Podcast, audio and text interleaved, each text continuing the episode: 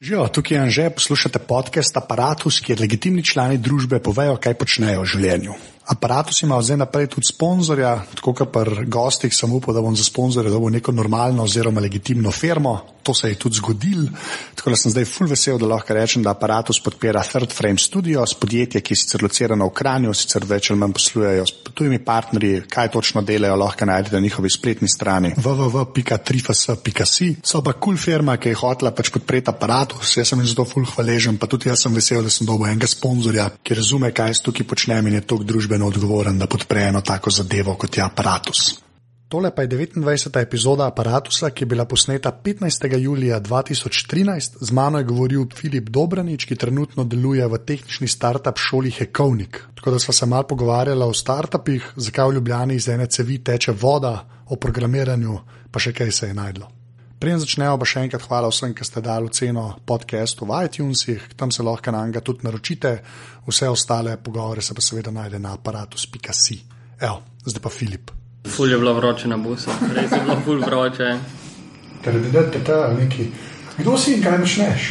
Uh, sem zemlja, sem Filip in počnem veliko stvari. Uh, danes sem prijavil diplomo na filozofiji, sociologiji, kulture.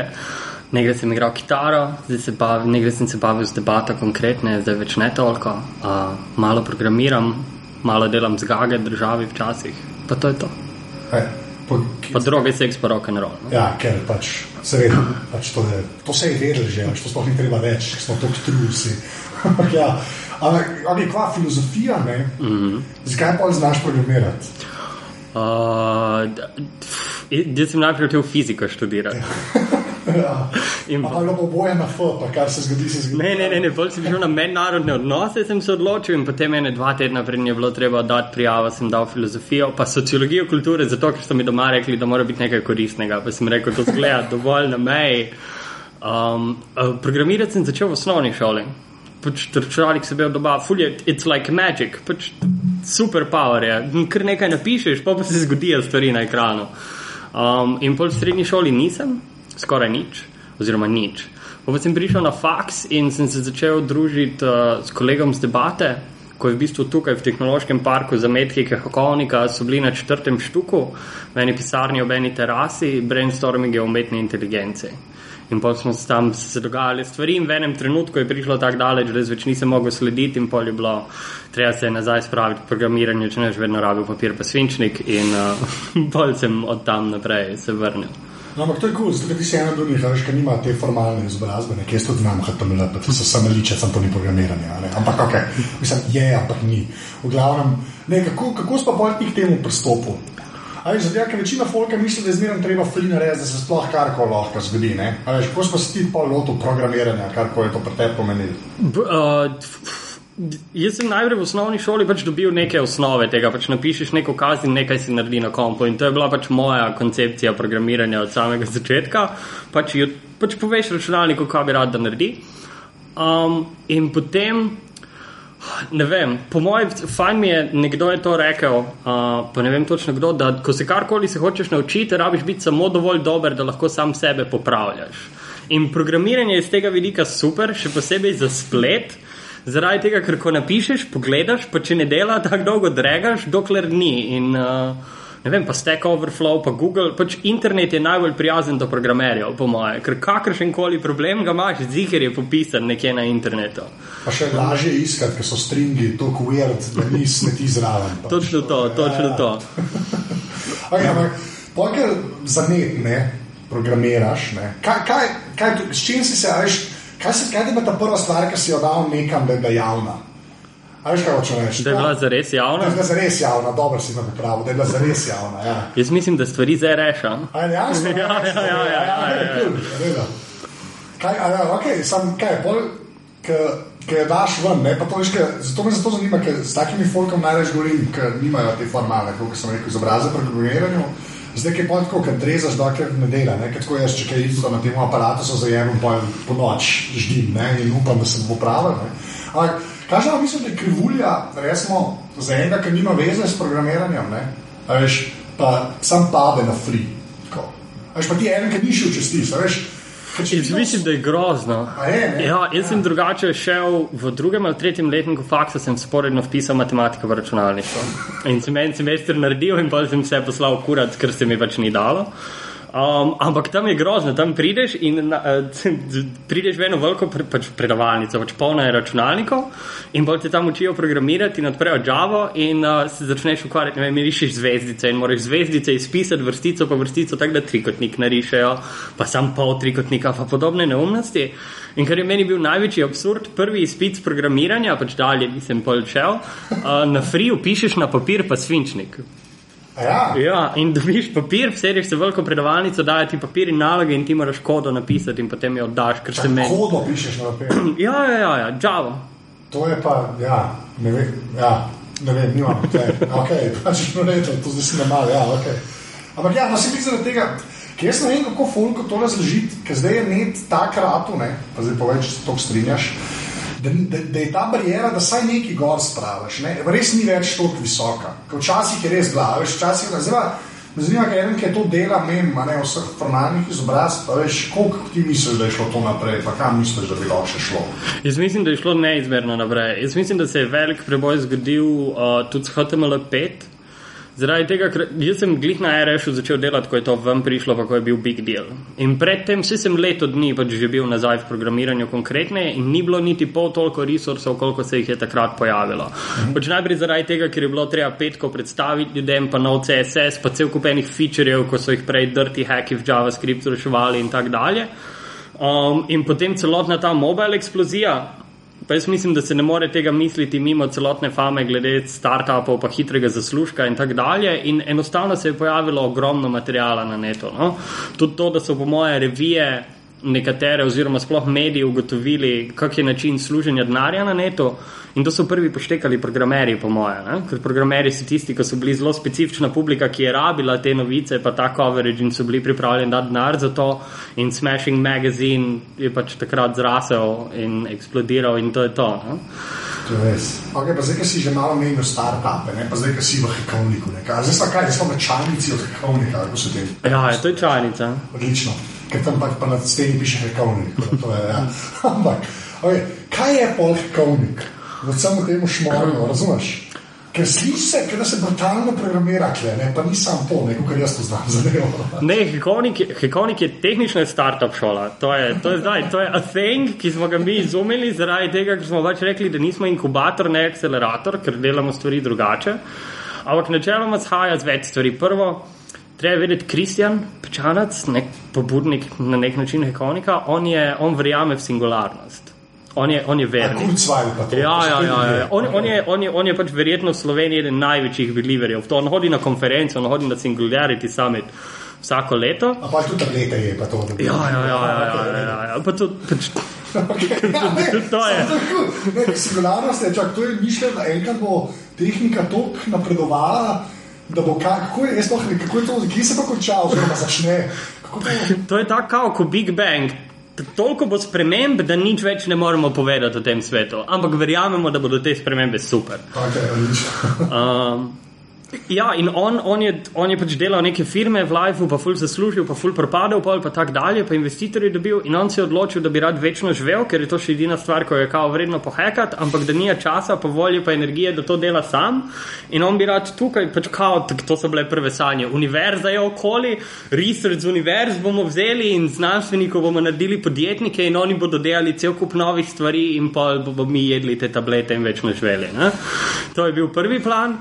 Um, ampak Hekovnik je pol zrasel v startup šolo. No? Um, ugotovili smo, da znanje tega, kaj pomeni imeti startup, pa zaštartati nek biznis, pa sploh najti nek, neko stvar, ko bo imela smisel, pa ko ti bo plačala najemnino. Je popolnoma drugačen skillset kot tisto, kar dobiš na MBA-ju ali pa na GEA koledžu. Mislim, da to zdaj Ok, malo ja. še imam, pardon, nisem, nisem tega tako mislil. Um, ja, in uh, ful se je razvilo ene literature, več predvsem Stanforda, pa Silicijeve doline je prišlo končno ogromno, v zadnjih petih, šestih letih se je sproduciralo ogromno ene teorije o tem, kaj pomeni biti startup. Um, in smo tukaj potem ugotovili, da hekerji, pa tudi znanstveniki, pač da niso podjetniki, tako kot nihče od njih ni bil namenjen, da bo in da ne vejo tega. In uh, je v bistvu celoten hekovnik zastavljen tako, da ljudem, ko imajo nek teh, ko imajo nek ekspertiz, damo vse ostalo znanje, kako se za stranke pobrigati, kako poštekati, kaj ljudje rabijo, kako ne zabijati z glavo v zid, pa reči, jaz vem, kaj mora biti moj produkt in pol daš ljudem nekaj, kar jim je useless. Um, tako da take stvari, no, pravimo ljudi naučiti. Istočasno pa pravimo razviti model high-tech univerze. Recimo, to so zdaj nove sanje. Univerza, kasneje bo zgledala tako, da boš ti imel 40 let in boš ugotovil, da v tvojem biznisu več ni denarja, ker je šla tehnologija naprej in boš prišel v podružnico Hekonika v Albaniji in boš dva meseca v šoli in boš prišel in boš v dveh letih milijone imel. Ja v bistvu za, za, za fleksibilen trg. Tako, tako, tako, tako, tako. Okay, ampak kaj to v praksi pomeni? Veš, startup šola, ki rečeš, kaj vse uno ostalo, ki se je treba naučiti, kaj so te zadeve. Zdaj tako, mi smo ugotovili, da stvari najboljše funkcionirajo tako, da imaš cel kup enih startupov na kupu, da se drugo drugega učijo. Zaradi tega, ker sam ne moreš narediti toliko napak, koliko jih moraš, da vse poštekaš. Um, zaradi tega imamo programe, imamo kao tri razrede: Start, Get, Invest. Prvi je, da dobiš idejo, pa narediš produkt, drugi je, da dobiš userje, pa pa denar. Um, in se program se začne, traja tam ene dva meseca, enkrat do dvakrat na teden, po en popoldan se dela. In je vedno tako, da dobijo najprej predavanje, pol delajo razne vaje, pa pa se med sabo drug drugega kurcajo, pa si govorijo, zakaj nimajo za burek. In uh, probamo v bistvu, hočemo, Idealno bi bilo, če bi lahko razvili tak sistem, da mi ne rabimo biti zraven. Pa ne zaradi tega, ker bi pol lahko sedeli pa se praskali po jajcih, ne, ampak ker to pomeni, da vzpostaviš nek ekosistem, ko se samo oplaja. Ne. Ker trenutno je znanje o startupih je ful tako sektaško, je obrtniško znanje. Ne. Moraš biti v kliki, da ti nekdo pove, kaj so tips in triks. Ne. Zdaj se ta klika odpira. Ampak, če bomo karkoli hoteli narediti, se mora v Sloveniji narediti. Ne? In konkretno. Zakaj, čak, to, ampak, okay, zakaj v Sloveniji se mora narediti? To, je, to pa se, mislim, ne vem, kaj še je, ampak to me res zanima. mora se v Sloveniji narediti zaradi tega, ker bi bila škoda, da se ne. Ja. ne, to je tako. Jaz, jaz sem tukaj črna oca, malo fekoniko, no? ker sem ipak s filofaksa in to je zelo neoliberal, pač neoliberalna logika, ki tukaj vlada. Um, ampak jaz mislim, da je sama metodologija tega, kako postaviti startup, je metodologija tega, kako komunicirati z maso ljudi, ko imajo nek problem. Ker je vse usmerjeno k temu, da kao ti ne veš, kaj ljudje rabijo, ampak da imajo neke stvari, ki so jim problematične v lifeu in za njih so pripravljene plačati. In če jim daš to, ti bodo dali denar in ti boš lahko živel. Ha? In z tega vidika se meni zdi pač malo grozno, da se to konstantno o tem razmišlja, samo kot o tem, da se bo dobila neskončno milijonov. Ne? Če bi rad tu bil nekaj let, poštekal, kako se to dogaja, pa pa to pripeljal v druge vidike. Ne? V Afriki je cel kup enih odličnih projektov socialnega podjetništva, ne? ki pač ni socialno podjetništvo, kot pri nas, da imaš firmo, pa pač imaš zaposlene, samo invalide, kar je sicer tudi treba delati, ne? ampak je pač socialno podjetništvo, ki gradi komunity, pa pomaga vzpostavljati, pa razvija dejansko neko skupnost, pa tako dalje. No? Jaz mislim, da ogromno bi se dalo tukaj naučiti. Ja, veš, je, to je res skregano s celo logiko, kar američani delajo. Mm -hmm. Jaz ne vem, kako se tam o tem razmišlja, ampak sklepam, da malo, ker še več nisem prebral o tem. Ne razmišlja se sploh. Ja, mislim, se sploh ne, a to si upamo reči, da ne. Mislim, ker zdi obstajajo neki ljudje, tam se tudi reš. So, Sem, diskurs je popolnoma drugačen. Ko si ti v San ja. Franciscu, so pogovori, ki jih imaš o tem.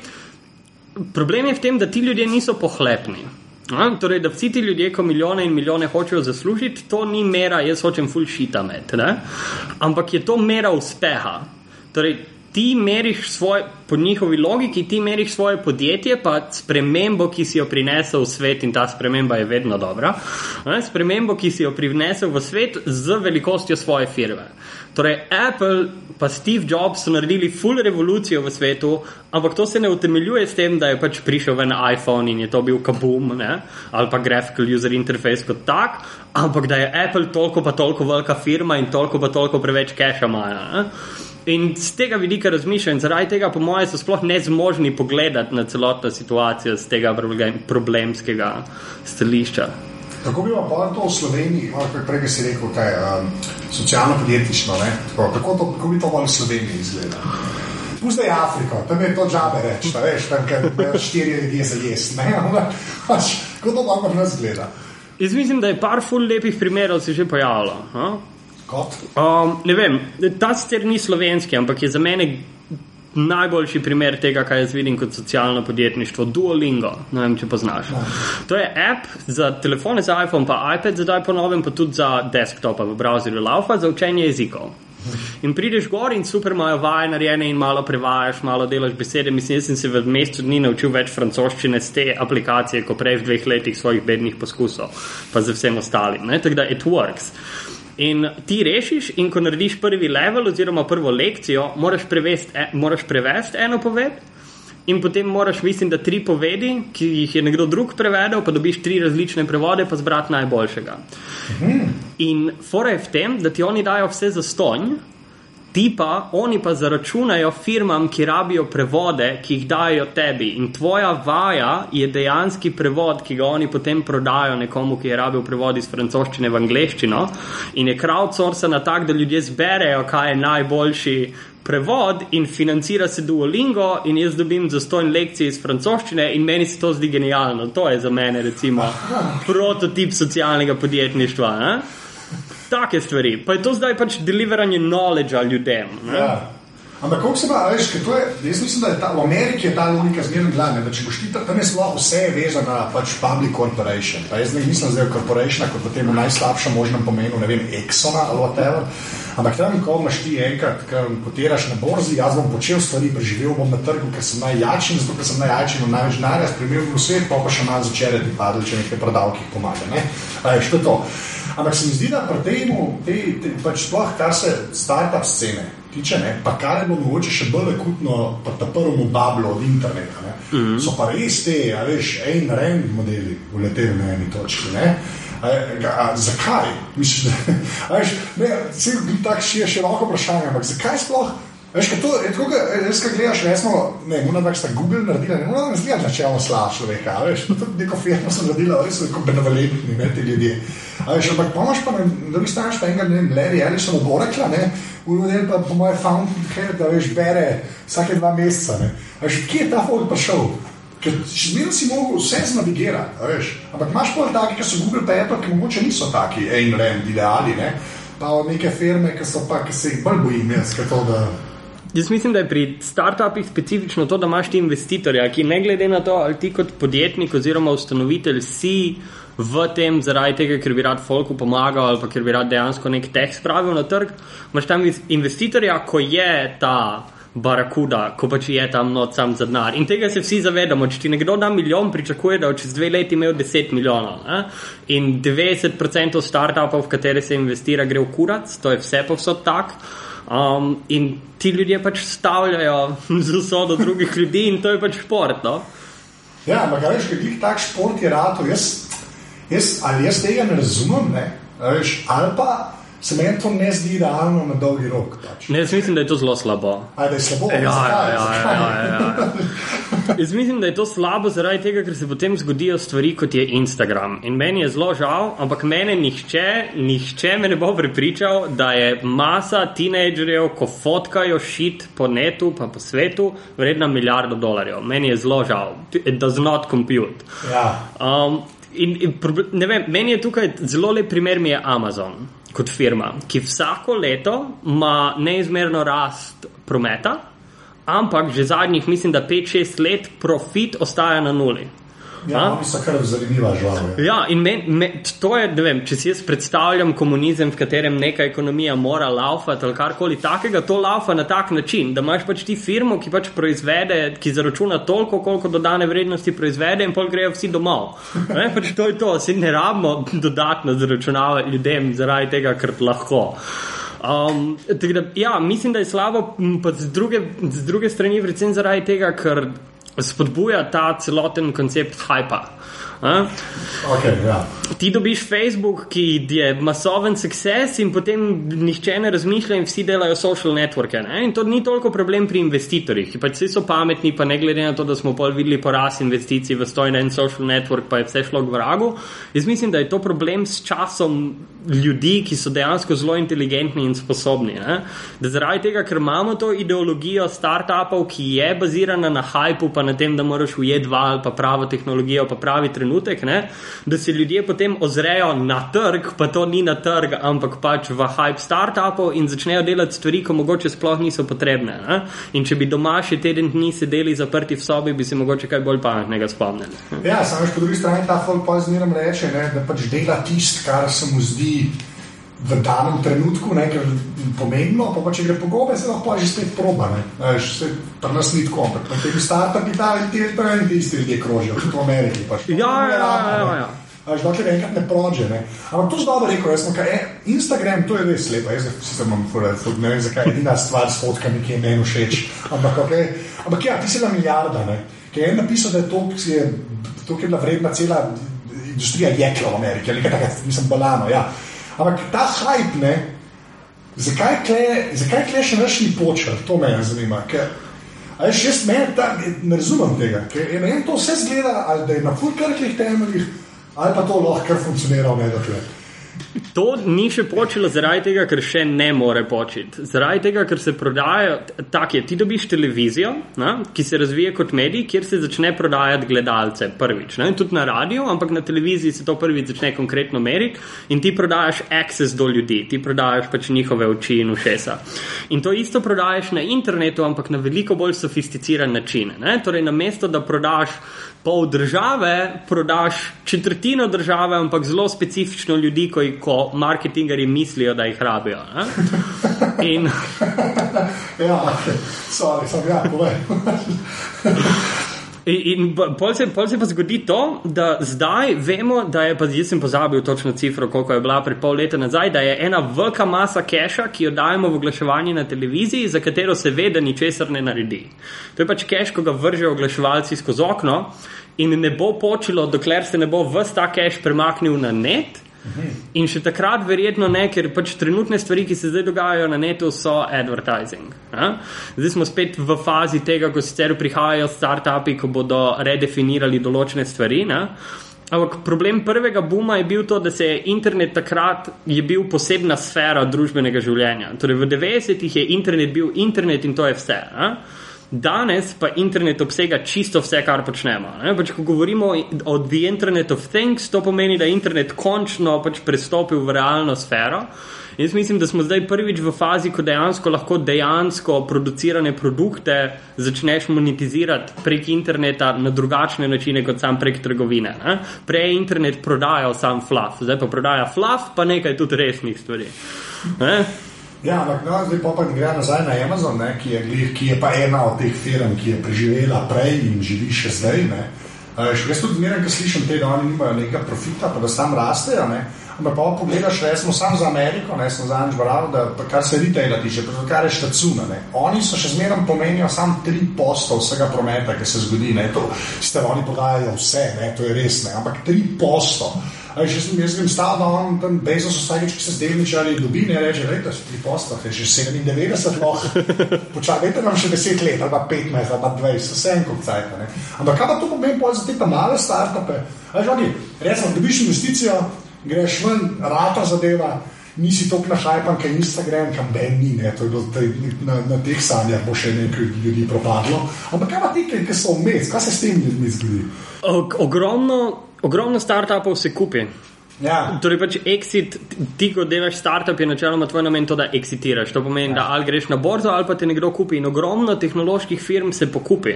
Recimo Google je vem, v zadnjih dveh letih kupil vsaj 21 firm, se mi zdi. Ne? In to so pač taki nakupi, po par milijončkov ali pa par deset milijončkov, in pač ljudje se potem zaposlijo še za dve leti pri Google, ali koliko bodo pač pogodbo podpisali, imajo cache do konca življenja in grejo naprej. Ne? Ogromno malih projektov propade, pač 90% startupov enostavno se zapre in propade in ljudje grejo delati nekaj drugega. Um, tako da to se dogaja s srednjimi. Pa predvsem je cel kup enih podjetij, pri nas tega ekosistema še ni, pa se ne vidi. Ne?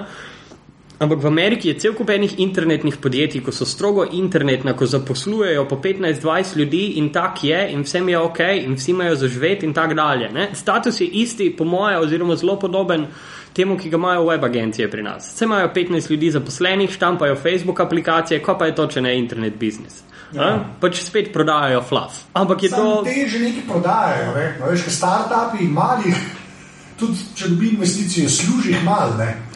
Ja, ampak dobiš investicijo zato, ker še ne moreš služiti in nekdo verjame, da boš. a? Boš ne in pol bo, ja, ok. S tem, da se tudi to spremenja. a. Recimo tri leta nazaj si rabil še. Uh, je bilo kao milijon userjev, oziroma 100 tisoč userjev, pol je 100 tisoč postalo milijon, zdaj je že 10 milijonov, tako da sem na uporabnike, ti noben investitor danes več ne bo dal cache, tudi če bi ti ga leto popolno nazaj dal. Na kaj pa pol gledajo, gledajo raz- investitorji? Ne? Gledajo pač zato, da bodo na koncu služili. Ok, fair enough, da bodo imeli ne vem koliko. Uh, na, na kaj pa pol folk gleda? A veš, kako ti, ki si videl par teh startupov v Sloveniji, mislim, ki so dobili investicije. Ne? Kaj se pa tle gleda? Tu je zdaj več različnih odgovorov. Sej, no, le, tako kar jih lahko poveš, ne, ampak ne, ne res, tako, ok, eno, rabimo štirikratno povrnitev investicije, fair enough, ne. Kaj, na kaj se pa še gleda? Jaz mislim, da tukaj se je treba zavedati, da so investitorji ljudje. Ljudje se ne odločajo racionalno, po moje. In se je tega treba zavedati. Pač tudi to, da 90% startupov propade, po moje, kaže delno na to, ne glede na to, da nimamo popolnih informacij. Uh, tako da jaz mislim, da se odločajo veliko krat po feelingu, oziroma vsaj prva odločitev je po feelingu. Torej, ko ti nekomu spičaš, tisti, ki ti bodo fajn, tiste boš povabil na kosilo, drugih ne boš. To je to. Zdaj, drugo tukaj je pač sama ideologija, ki jo investitorji imajo. Je, Ja, povej, sorry, je, ker ti vidim faco, ampak ja, povej. Zdaj na najlepši možen način to povej, no, tako, ja, ok. ki je večplastna. Um, Ja, ok. najprej rečejo, da rabijo ekipo, zaradi tega, ker nič ne bo šlo po planu, in rabiš ti v bistvu investiraš v ljudi, katerim zaupaš, da bodo pre, pre, pač šli čez vse prepreke, ki se bodo pojavile in tako dalje. Kar je po mojem do neke mere tudi res, no? ker noben biznis plan, ki ga ti pokažeš investitorju, ni tisto, kar na koncu prodajaš. No? To je enkrat ena. Uh, druga stvar je seveda to, da bodo probali zaslužiti. Ampak potem se pa zelo pojavi razlika v mentaliteti tega zaslužka, recimo že med investitorji, ko, jih, ko so slovenski, pa med investitorji, ko jih v Ameriki poslušaš. V tem, da je ta celotna ideologija Silicijeve doline, ki pač tukaj manjka in s tem se je treba soočiti, pa ne vem, če je to nujno slaba stvar, no? ampak da bo že vse ok, pa da vsak lahko, pa da vse lahko. In recimo, ne vem, meni se je v Silicijevi dolini zgodilo to, da smo pač bili s Konikom tam, peljali smo ekipe in imeli smo nek pitching event. In na Friju se je razvila neka super tehnologija za računalniški vid. Podrobnosti niso važne, v glavnem. There was tech. In uh, je Kristjan prišel na idejo, seveda pač v večeru ob zelenem, da bi pa morali nekaj pičati z tega, ker to je res super tech. Potem se odločimo, da bomo pičali. Joj, groza, groza. Da bomo pičali uh, streaming servis za serije in tako dalje, ki funkcionira na računalniškem vidu. In ja. prepoznava objekte kot so šalce, billboardi, avtobusi in rola reklame, ki jih notšopne glede na preference userja. ne. okay.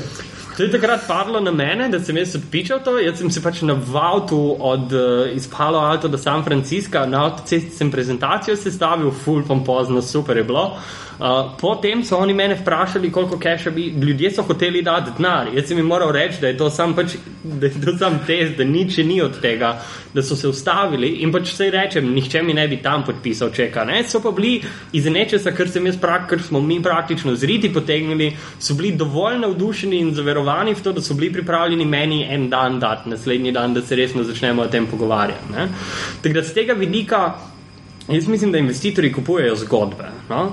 Ker so ljudje, ki, pa to pa zdaj malo grozno, pa ful ne mislim tega kot ponižujoče povedati ali karkoli. So ljudje, ki sedijo na ogromnih količinah denarja, ko so verjetno neko svoje podjetje spravili imeli so svojega otročka iz 20 let svojih in potem so ga vzgojili in ga dali stran in ko bi zdaj iščejo novo zgodbo. Prestari so, da bi svojo zaštartali, vejo, kak je težko, malo se jim ne da, ne, they want to be part of the action. Ne. To in potem četrti del ali pa tretji, se sem že pozabil šteti, je pa čisti biznis. Eh? Pa tukaj spet lahko Instagram pogledamo. Jaz ne vem spet točno koliko je bilo, ampak ene dva, tri tedne, preden se je Instagram prodal, je Instagram podpisal dodatno dokapitalizacijo mm -hmm. investicije, par tednov preden se je Facebooku prodal za milijardo. In to ni logično, ker noben del se ne sklene v par tednih ali pa v mesecu dni, to traja po pol leta. Kar pomeni, da to, kar se je pri Instagramu moralo zgoditi, edina logična razlaga, je ta, da so prišli investitorji do Instagrama in so rekli: Glej, mi imamo del s Facebookom zdelan, vse, kar rabite, je, da nam podpišete delež, Facebook vam bo izplačal milijardo, mi smo vam tu dali to investicijo, vzamemo delež z firme, mašno zaslužimo in gremo ven. In sem zihar, da tam tiste tri največje investicijske firme, ko so zadnje prišle not, so vedle za to, ker ne bi drugače. Ne? Aha, ker ja, tri tedne je res malo manj. Ja. Ja, mislim, da je bilo glih tam mesec dni, pa to je bila ekipa parih ljudi, ki so pač delali app za slike, ki je obstajal samo na eni platformi. Razumeš, how expensive can it be? Ja. Tako da tudi niso rabili tega denarja. Jaz mislim, da Instagram so delovali iz sejne sobe od Twitterja, bivše. Pač to je cela pisarna bila. da, ja, ampak ti se bilo res preveč. Okay. Zdaj pa ti, kdo pa je pol slovenski investitor kot tak? A veš, ker jaz zmerno slišim, vsi morajo iti na sitkem, pa, pa nekam, pa tam neki zmagati, pa ne vem kva, pa ok, zdaj je ta telekom se pojavil, ne? ampak kva, kdo, kdo pa še, kva pa se še kaj dogaja? Borod Rismal, Branko Drobnak, pač Dragani, vsi ti, ko so bili tam na TV-ju, majčki. X-Lab načeloma se obnaša skoraj kot investitor v nekaterih nivojih, v tem, da imajo svoje projekte, ko pač imajo dva, tri ljudi, ko pač delajo startup znotraj X-Laba. X-Laba. Uh, pol imaš uh, Remškarja. Uh, kot tudi kao nek cash investira, tu pa tam studio Moderna uh, je tudi že investirala. Ne? Ampak v Sloveniji je problem v tem načeloma, da imamo, uh, da imamo investitorje, ki dajo teh prvih par deset jurjev za sit, in imamo potencijalne investitorje tipa RSG Capital, ki ne vem, kako sem ga lahko pozabil, pa Mikuš, uh, ko se mu zihar smeji zdaj, ko je cel trašla skozi. Pač on je sklad svoj poplačal, ne rabi več nič početi. Tako da je zelo, zelo mu mora biti fajn. Um, ki financirajo potem pač prvo A rundo, recimo temu tak, ne? oziroma pač večje vsote nad milijon, vmesne faze pa ti nimaš. No, se to, ja. In to manjka, in po mojem, zaradi tega hočejo ljudje ven. Drugo pa mislim, da je problem tudi v tem, vsaj ekipe, s katerimi jaz govorim, da pač vse to je prav na nek način, da ljudje vidijo startup kot izhod iz svoje ekonomske stiske. Um, ampak potem se vse prevečkrat hočejo najprej imeti denar, preden bodo karkoli lahko začeli resno delati. Ne? Pa to zdaj včasih zveni ful tak. Kot grozna stvar, ki jo nekomu poveš, ampak sploh ni, ne? gre čisto za to, da so ljudje na tri četrt paralizirani, preden se kaj spravijo delati, brez da imajo zagotovilo, da bodo pol leta živeli. Ne? In pač to je popolnoma razumljivo um, in to je nekaj, treba rešiti. No? Ampak po drugi strani je pa včasih. Vem, ampak to je spet ideologija, ne? da rečeš, moraš staviti na sebe, zato da bodo drugi stavili tudi na te. Ne, ne, ne, ne sme to biti tako. No? No, pa pa greva zdaj še ta tvoja, ko bi temu rekel ne, ne neoliberalna ne, struja, ki jo imaš, ne vem, kakšna je. Ne. Ampak to zdaj s to vodo, pa bom dal link tam v šovnovce. Ampak kako je to nastalo? Pa, pa razloži lahko, kaj je, ker zdaj je to še zmeraj audio, ne, pa je težko pokazati. Ampak ja. Včeraj zvečer sem šel z dvema kolegoma na pijačo, vsema. In smo pač parkirali tam nekje od zadaj, in pol smo se čez gradbišče morali priplasiti, ker pač nismo hoteli okoli. In tam je cel, prerezana in ven cvi teče voda. In to je tam usred Ljubljana in voda teče ven in pač ful teče, neka plja, teče voda. In uh, sem pač hotel to zmeriti, ker me je zanimalo, kako hitro je. In pa smo šli na kavo in smo prišli nazaj, naštopali pol litrsko flašo, ugotovili, da je to skoraj dve toni vode na dan.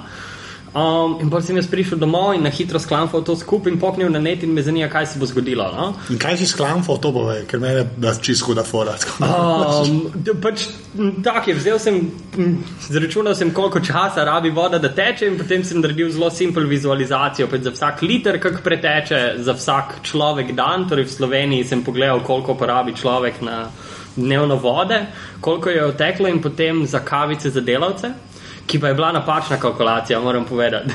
Ja, nisem. ja, ja. Na robe sem, ful sem, to sem delal ob 4 zjutraj in potem sem na financah videl ni celih 5 nekaj za kubični meter vode in sem skopi pesto in sem pozabil, da je liter deciliter, ne meter.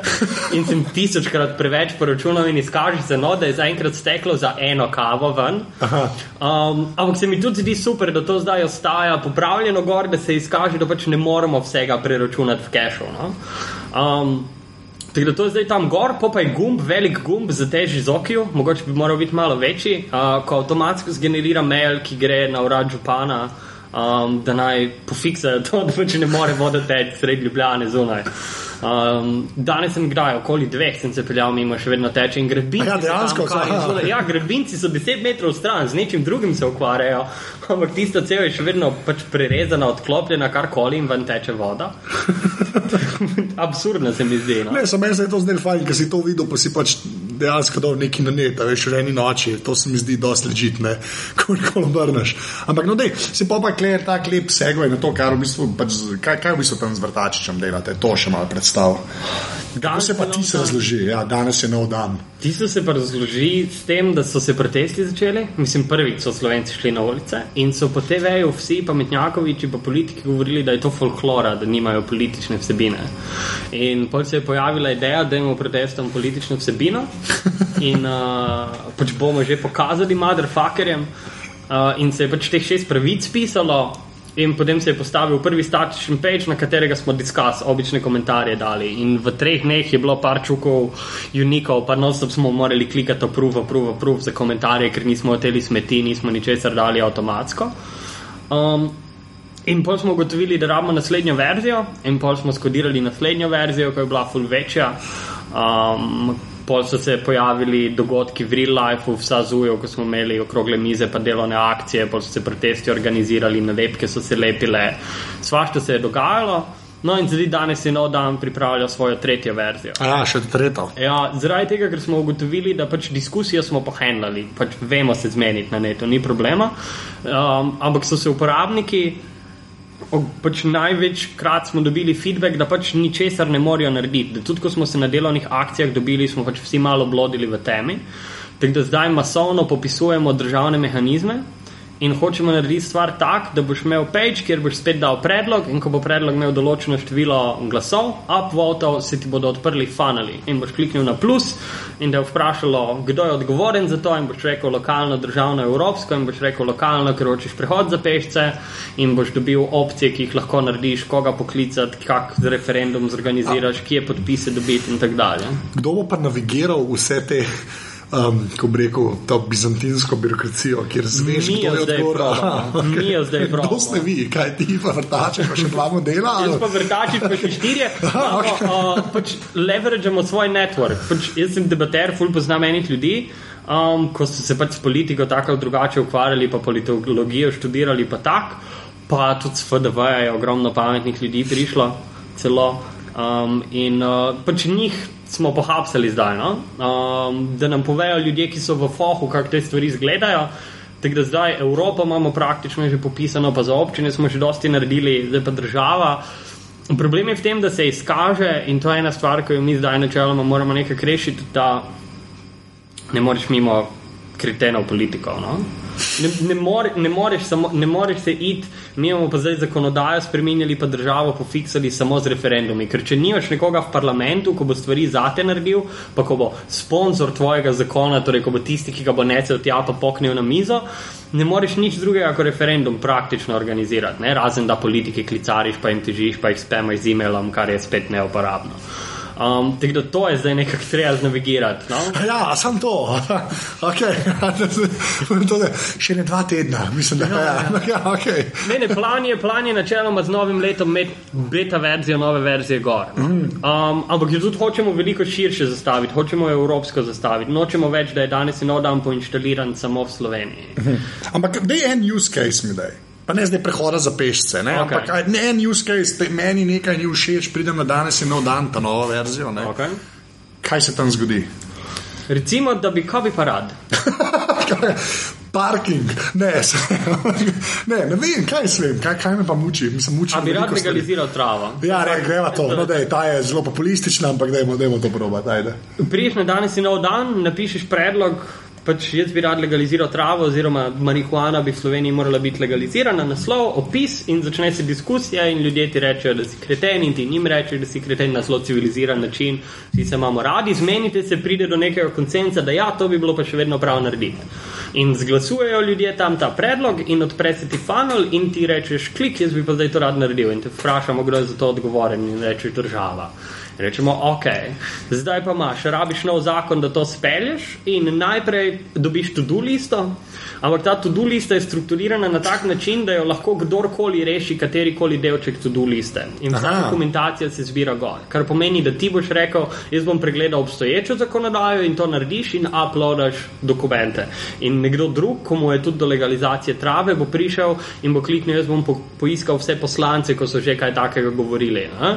Pol tretji bo rekel, jaz bom naredil plakate za to, da bomo ljudi eh, mobilizirali, ker sem dizajner in tako dalje. In potem načeloma, da te privedemo čez postopek, da ti na koncu vložiš zakon. In pol ti oni rečejo ne, Ja, okay, odlično. In? Um, in tukaj potem pride ta zanimiv del, ko ga zdaj popisujemo z ljudmi dejansko iz stroke, izkaže se.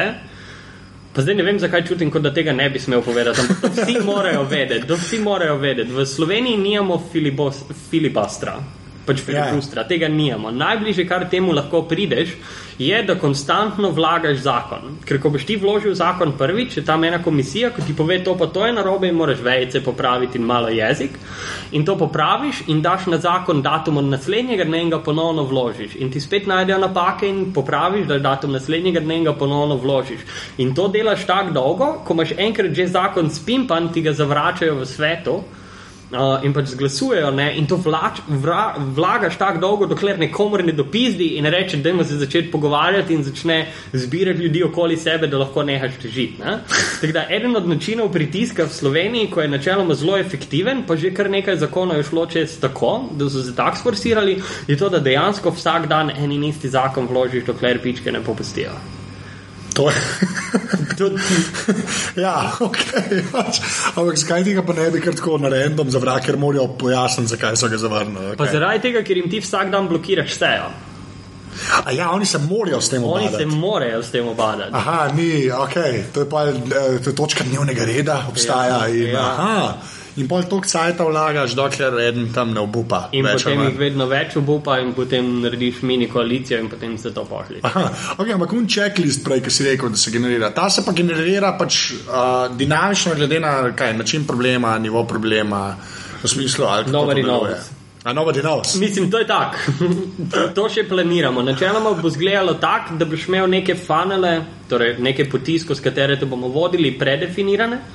Ker pač referendum razpisati je pač točno znan postopek, kaj moraš narediti. Ja, no, vse to me zanima, ja. Um, zdaj, tukaj še razmišljamo, pa to je treba malo potestirati pri uporabnikih, pa tako dalje, cel kup še enega dela treba narediti. Da boš lahko dodajal svoje točke vmes, tako da ne vem, če piše naberi dokumentacijo, ti lahko dopišeš, preglej ta zakon, preglej oni zakon in tri nove točke ustvariš, da jih kdorkoli drug odkljuka. Um, in jaz bi imel zraven še prazne to-do liste. Uhum. Zaradi tega, ker mislim, da kolikokoli bomo razmislili, ne bomo poštekali vseh kreativnih načinov vplivanja na politiko, tako kot je ta z vsakodnevnim vlaganjem zakona, ki se ga jaz nikoli ne bi spomnil, če mi ga kdo ne bi povedal. In bi rad, da ljudje razmislijo o svojih načinih, kakšni so vse načini, da dosežejo te cilje. Ne? Um, Tako da, ja, to je, to ful ni bil zadovoljiv odgovor. Ne? ne vemo še, ne vemo še, no, delamo, delamo, delamo. Ne, pa se po eni strani kul. Cool. Ampak, no, zdaj ta, ta zadnji vprašanje, ki sem ga hotel pri tem sklopu imeti, je pa ta, ker pač ti načeloma. Pač dosti verjameš v, ta, v to internetno sodelovanje, ne, ki na eni točki dejansko nekaj konkretnega vam pljune. Ne. Zakaj? A veš, zato, ker na eni točki ne, se te zadeve še skoraj nikoli niso obnesle. Ne. A veš, da so bile, a veš, vsi Reddit je tudi fajn, ne, mm -hmm. pa tistim ljudem dati neko pravo moč bi bilo katastrofalno. Ampak tako, zakaj? Zakaj, zakaj še nisi obupal in se prodal neoliberalizmu, oziroma pa zakaj verjameš, da, se- da je to še zmerno možno? Zaradi tega, ker mislim. Vse to, to, to, to, jaz tudi malo to verjamem, ne sprašujem za te. Ja, Ampak ja, pač ja. me zanima, zakaj. Jaz, moj odgovor tukaj bo negativen v tem smislu, da lahko pojasnim, zakaj ne mislim tako kot vsi ostali, ko mislijo, da ni več poti. Ker mislim, da se razmišlja o teh stvarih na napačen način. Kadarkoli se kaj takega zgodi, se za take akcije začne uporabljati termin kliktivizem, ki je derogatoren, pač žaljiv je in je kot tak, nima kaj iskati v kakršni koli resnejši teoretski razpravi. In to, kar se po netu dogaja, ni kliktivizem. To, kar se po netu dogaja, je ljudje, ki med sabo delijo določene informacije in na podlagi teh informacij se odločijo, ali dejanje speljati, ali ga pa ne. In za mene je internet medij kot tak, ki je dostopen vsem ljudem, vsaj do neke mere. Um, in na njem lahko skonstruiraš kakršno koli sporočilo, in za mene je samo vprašanje časa, kdaj bomo pogruntali, kako točno je treba z ljudmi delati. Recimo to za vodo Ja. je za mene super eksperiment, zaradi tega, ker tam so tiste tri vizualizacije, ki vsaka funkcionira v drugem diskurzu. Prva govori o litrih vode, voda je dragocena, a, a, druga govori o tem, koliko ljudi bi lahko vzdrževali za to, joj, ljudje umirajo po svetu, in tretja je v kešu, ki je pač eksplodirala v moj obraz, ampak proba tak. Ne? In recimo, kar je bilo zanimivo, kar sem jaz na Twitterju že danes opazil, je, da ko so ljudje poštekali, da je bila ta kalkulacija napačna. In je bila, so se vsi obrnili glede tega, so se ful zgručali glede te napačne kalkulacije, to ne more biti res levo, desno. In potem, ko je nekdo poročunal, jaz sem usred tega pogovora, sem updated, nihče od njih se ni vrnil nazaj na stran, da bi preveril. Mm -hmm. Zgodilo se je tako, da je ena oseba najprej napisala, da voda kaplja s pipe, ne s cevi, in potem se je začela kaskada tega, kak je to useless. Um, No, in potem se pa izkaže v trenutku, ko so oni razrešili ta problem, ko so sami sebi dokazali, da je to samo ena kava dnevno, se je diskusija o tem zaključila.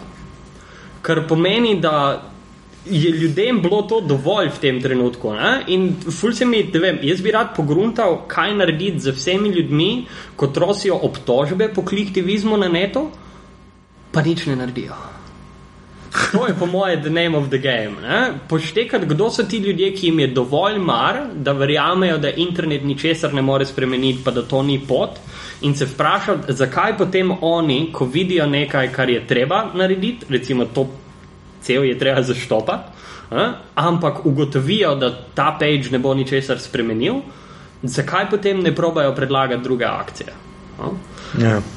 In to me, to me neizmerno zanima. Pri tem pa verjamem, da bo svet izgledal čisto drugače, ko bomo imeli demokracijo prek interneta. Zakaj? Zakaj? To, to moram vprašati. Zakaj? Zakaj? Kaj pomeni demokracija prek interneta? To mi že povej. Za mene to pomeni, da država postane tvoj servis. Okay. In tukaj, po mojem, par stvari važnih. Prvo to, da, da se bodo stvari, ne vem, pa tukaj zdaj nočem dati nobenih napovedi ali karkoli, ampak orodje tipa danes je nov dan, ki so orodja za odločanje, recimo temu, pa orodje tipa supervizor, ki so orodja za monitoring, se bodo združila v enem trenutku. In ti boš dobil situacijo, ko boš rekel, mi rabimo legalizirati travo. To hočemo narediti, rabimo nekega koncesionarja, ko bo to handlal. In se bodo podjetja prijavila, in bomo mi zbrali najboljšega, in potem bomo mu gledali pod račune. In ne bomo vsi tega delali, ampak vsake toliko se bo našel manija, ko bo šel preveriti. In če bo ta firma kaj narobe naredila, bo supervizor to izpisal in bomo jim jebali mater. Eh? In bomo se vsi vstali takrat, ko bo treba. Eh? Kje so, pa, kje so pa obstoječe strukture oblasti v tej enačbi? Kje so te ljudje? Kamem njih ne moreš, to si sam prej pogrunto.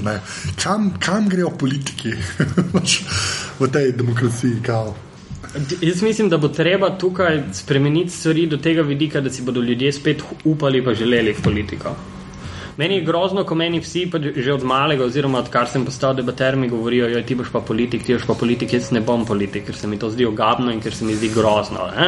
In, ampak sem pa zihar, da je cel kup enih sposobnih ljudi, ki bi dejansko dobro naredili, pa mislijo isto kot jaz in nikoli ne bodo naredili tega skoka. Ne? Eden od razlogov, zakaj imamo sam stare prce na politični sferi, je zaradi tega, ker nimamo resnejše mlajše alternative. In ali bomo čakali, da bodo vsi pomrli, ali pa bomo provali vzpostaviti okolje, kjer bomo lahko koga raketirali tja gor. Ne? Okay, um, ja, fair enough. Ja, okay. In to so naše opcije. Ne, ne vem, ne vidim drugega. No? Ampak mislim pa, da. Ne, ne smemo si zamišljati direktne demokracije, pa internetne demokracije. Direktna demokracija je zelo krda stvar, no? ni mi všeč ta ideja, pa termin. Tako, da bomo na štiri leta ali pa enkrat na leto ful enih stvari glasovali, ali pa da se bomo vsi za vsem ukvarjali. Jaz to ful dojemam, da bo naš odnos do države tako, kot je do naših frendov na Facebooku. Da boš sedel na troli, boš pogledal Facebook, boš videl, nimaš notifikation, boš odprl app za državo, boš videl tri notifikatione, te vprašala, bi imel travo, yes, a bi imel Pedre, yes a bi rad imel nuklearno bombo, ne, in boš šel naprej, in boš šel dol z trole, in boš šel naprej s svojim lajkom, in ljudje bodo pogledali, kako so zglasovali. In to je to. No? Jaz res mislim, da bo treba zdizajnati nek tak način, da nam bo to zraslo pod kožo, ker drugače ne bo šlo. No? Okay. to je ta, to je ta optimistična, mi je čisto všeč. Zdaj pa sam še ta zadnji sklop, imam ta moja tri vprašanja. Pač, kjer hardware uporabljaš, ne strojno opremo? Okay. Kar pomeni, kjer komp imaš, pa kjer telefon imaš. Ja. Uh, jaz imam uh, MacBook Pro, dve leti starega, telefon, telefon, telefon imam pa, na to sem zelo ponosen. Samo. A, moj telefon je pa. Oh, se vem, kje je. Ampak, ja, ne, vem, ne vem modela, ampak to ga imamo danes naprej, ker imam uh, ekran, mi morajo popraviti. Tako da zdaj sem na feature phone. Odlično. Um, pa kaj, iPad, kva? Pa iPad imam pa, pa, pa, pa to je to. Pa imam en, enega starega Apple, imam doma, ko ga hekam, ko mi je za radio, mi služi, pa gor so zvočniki priklopljeni. Mm -hmm. Pa fulmo menega starega hardvera, vse pa vsotko mi leži, ko je pač uporabljen za take in drugačne heke. okay. Kaj pol programe, pa tako, zdaj, uh, v nekih res uporabljaš, pa to bolj na telefon cikam, ne? Pač na telefon. Ja.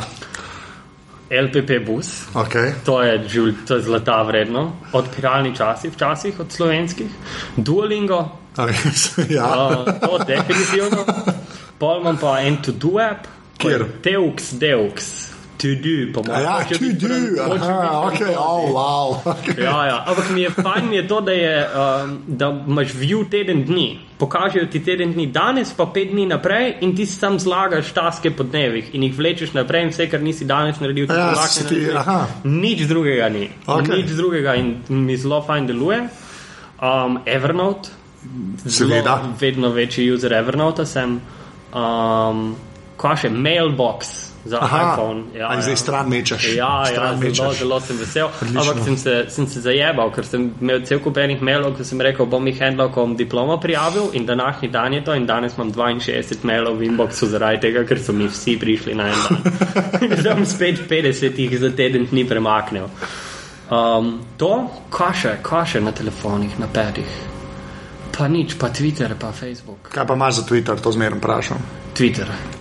Buffer drugače. Aha, buffer. Buffer zaradi tega, ker se na netu, pa v drugih apih Pocket full uporabljam. Pocket mi je. Pocket je odličen, jaz tudi. Jaz Pocketu, ja, ja jaz vse enot mečem več ali manj. Ja. To, ste da zdaj si tudi tam nabrala svašta. Ampak si govorim. Sam ti si fajn, pa se zdaj bo morje, pa se v dalke ja, pogledati. Ja. To si jaz tudi lažem, ja, to je dejstvo. Ja. uh, to? Še kaj? Kaj pa na iPadu, da imaš kakšno zdaj, ker res tako sam na iPadu, da jo uporabljaš? Veš, na iPadu. Veš. Čakaj, to bom pogledal. Poglej. Ful, ful sem slab uporabnik iPada. iBooks mi je fajn za branje, Dream of Pixels je igrica, ko jo igram. Igrice sem zdaj začel igrati. Dots je super.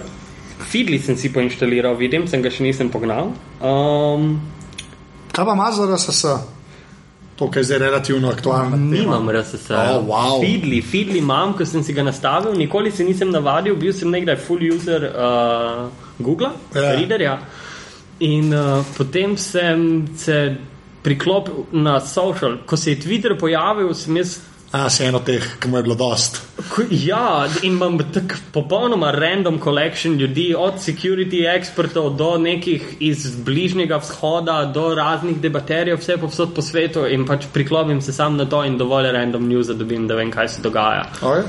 Pa drugače stvari, ko jih pa followam Al Jazeera, je dejansko medij, na katerega sem pa prijavljen, pa ga redno berem. To pa je nekaj, kar pride najbližje. Oni imajo kakšen tak v redu app ali.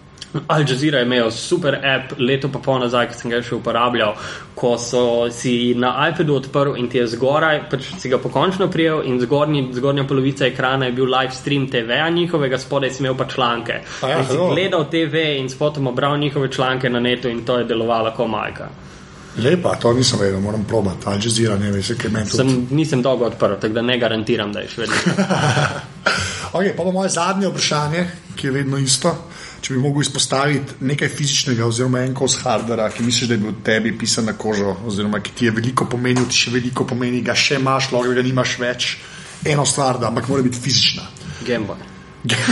Kjer, čak ne, to zdaj so pa Nintendo teritorij, to je pa moje področje, kjer Game Boy. Gameboy Color. A Color, ja, Ja. edini, ki ga nisem imel. Resno? Ja, jaz vse ostalo sem imel, tega sem pa preskočil. Ja, ja. Game Boy Color. Gameboy Color. Zaradi tega, ker, je vedno do, ker so špili še vedno isto enostavni kot na starem Gameboyu Ja. in imajo full visoko igralnost, ampak so barve. Jaz sem drugače odvisen, super mi je muzika v teh špilih, ko je tako Ja. minimalistična, ampak ne Pokemone igraš. Prideš v bitko, pa sam tisto cvilijo, ampak ja, gremo, tepi jih. In z tega vidika mi je zelo fajn to. Wii, nad Wii'em sem bil en čas navdušen, ampak nad Wiimotom, ker ima dovolj dober IR senzor, da sem si naredil prvo projektor tablo.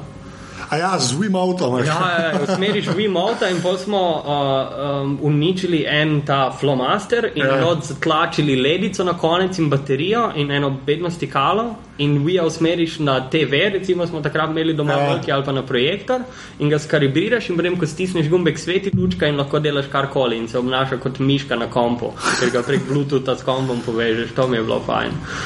Um, Še to je kul, cool. mislim, Game Boy Color se mi zdi tako ena taka. Ja. Drugače pa računalnik, ful sem, ful sem navezan na svoj računalnik. Ko kje avto parkiram, lažje preživim, da mi avto vkradejo, kot pa računalnik. Se mislim, da to vsi počasi veš. Mislim, da to, to se to zadnjih, sploh zadnjih pet let se mi zdi, da je to ratal. Jebeš avto, če realno gledam. Uh, Filip, to je to. Super. Najlepša hvala. Hvala tebi, super je bilo. Evo ga.